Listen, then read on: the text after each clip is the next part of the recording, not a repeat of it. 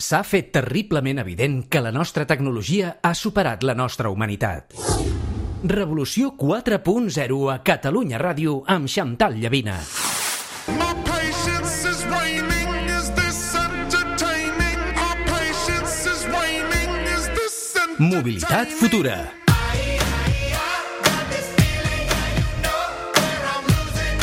Segons l'estratègia de mobilitat sostenible i intel·ligent de la Comissió Europea, d'aquí només 8 anys per les carreteres europees hi circularan 30 milions de vehicles elèctrics. Fins aquí molt bé, però ara mateix hi ha poc més de 300.000 punts de recàrrega i en faltaria falta quasi 7 milions. O sigui que, per dir-ho amb una metàfora automobilística, ja podem pitjar l'accelerador. Despacito, quiero respirar tu cuello despacito.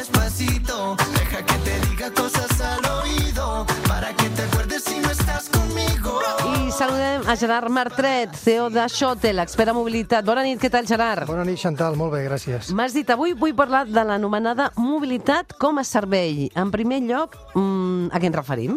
Molt bé, doncs eh, la mobilitat com a servei és un concepte relativament nou, té uns 5 o 6 anys més o menys, que proposa l'existència d'un ecosistema de serveis de transports, ja siguin serveis de transport públic com serveis de transport privat, que es combinen entre si per portar-nos d'un punt A a un punt B de la forma més eficient possible. Són serveis que poden ser multimodals quan hi ha diversos modes de transport que s'interconnecten entre ells per donar una, una solució integrada.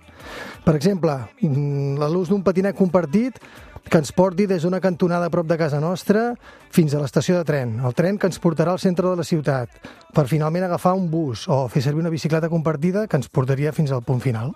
Uh -huh. Per tant, passem de la idea que la mobilitat és una qüestió privada, personal de cada usuari, a un servei públic, sí?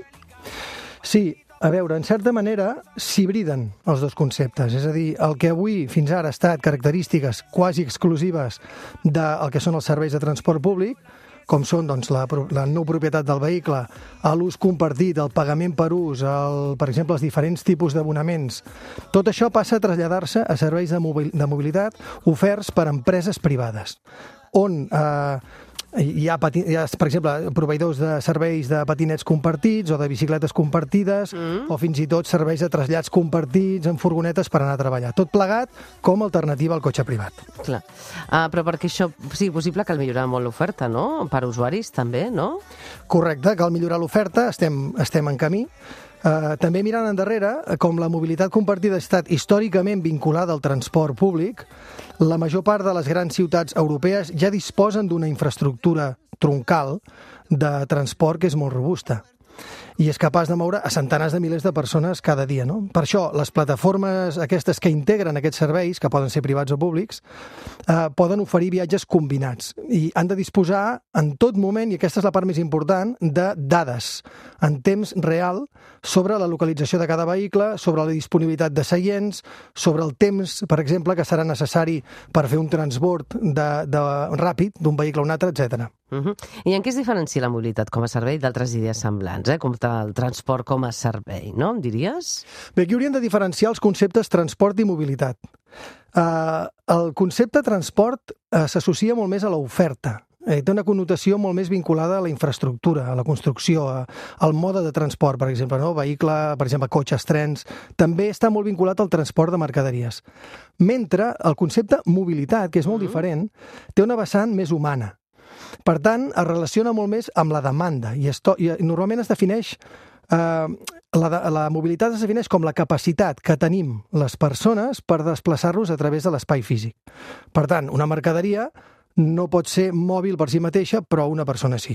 Però, Gerard, et pregunto, creus que realment eh, es compliran les previsions que diuen que el 2030 el 95% dels quilòmetres es faran amb serveis i, per tant, els vehicles privats baixaran el 10%? Jo continuo veient, sobretot, cotxes privats per a les carreteres i no m'imagino aquest 10% eh, d'aquí 7 anys. A veure, aquesta, aquesta és una previsió bastant agressiva. Sí, jo la trobo molt agressiva, perquè és impossible que es compleixi. Sí, perquè, eh, de fet, això està, mm, això està pronosticant la desaparició quasi total dels vehicles en propietat i, per tant, això vol dir que és un canvi mm, bastant disruptiu I en, que- només, en només 8 anys. Clar.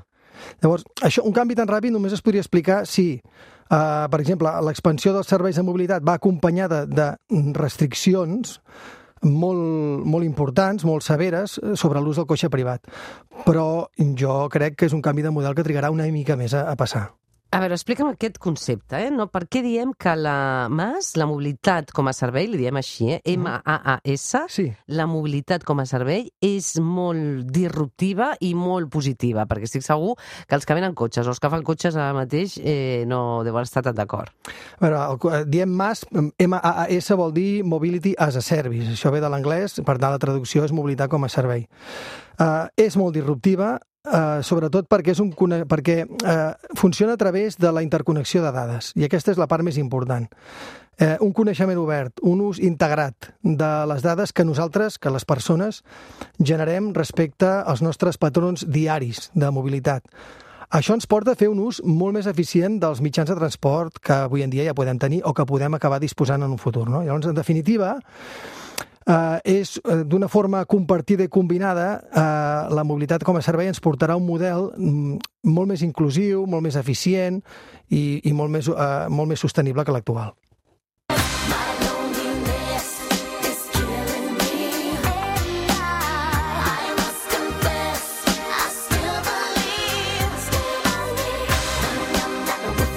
Clar, la pregunta és, a Catalunya, al nostre país, eh, hi ha aquesta sincronia, eh, per exemple, entre una administració pública i empreses privades per implementar aquesta mobilitat de servei que tu eh, veus tan clara i que veig que el, el Gerard se la creu moltíssim, eh?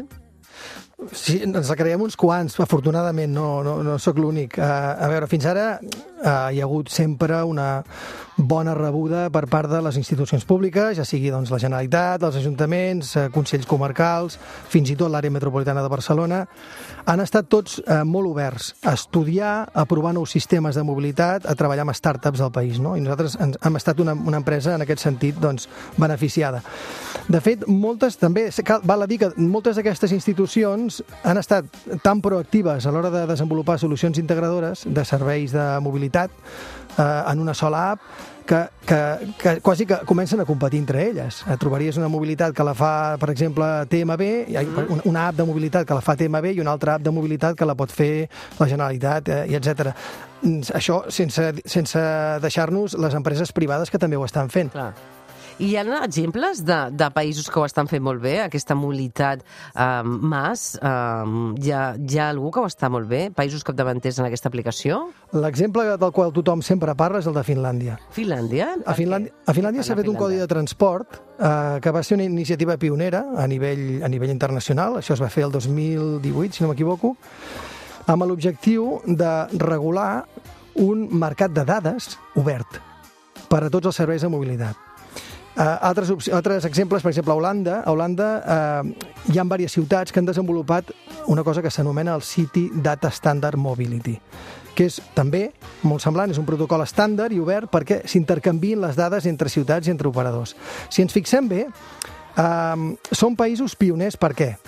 perquè han volgut adaptar eh, el seu sistema regulatori per facilitar l'aparició de noves solucions, però ho han fet regulant amb una perspectiva més actual eh, a l'ús i l'intercanvi de dades personals. Això sol ser l'element més sensible a l'hora d'implementar aquest tipus de, de sistemes. Uh -huh. Per tant, eh? Finlàndia i Holanda serien eh, pioners en aquesta mobilitat com, com a servei i, i, per tant, en aquestes aplicacions, per anar eh, Gerard, en aquestes aplicacions d'aquest tipus de, de mobilitat que mm, jo crec que n'haurem de parlar en el futur. Sempre parlem de temes del futur, el revolució, o sigui que aquesta mobilitat de servei serà el futur. Correcte? Uh, així esperem, així treballem perquè ho sigui. Molt bé. Doncs escolta, Gerard, avui eh, aprenent una mica més de, de mobilitat i com serà, sobretot, la mobilitat futura. Moltes gràcies. Gràcies.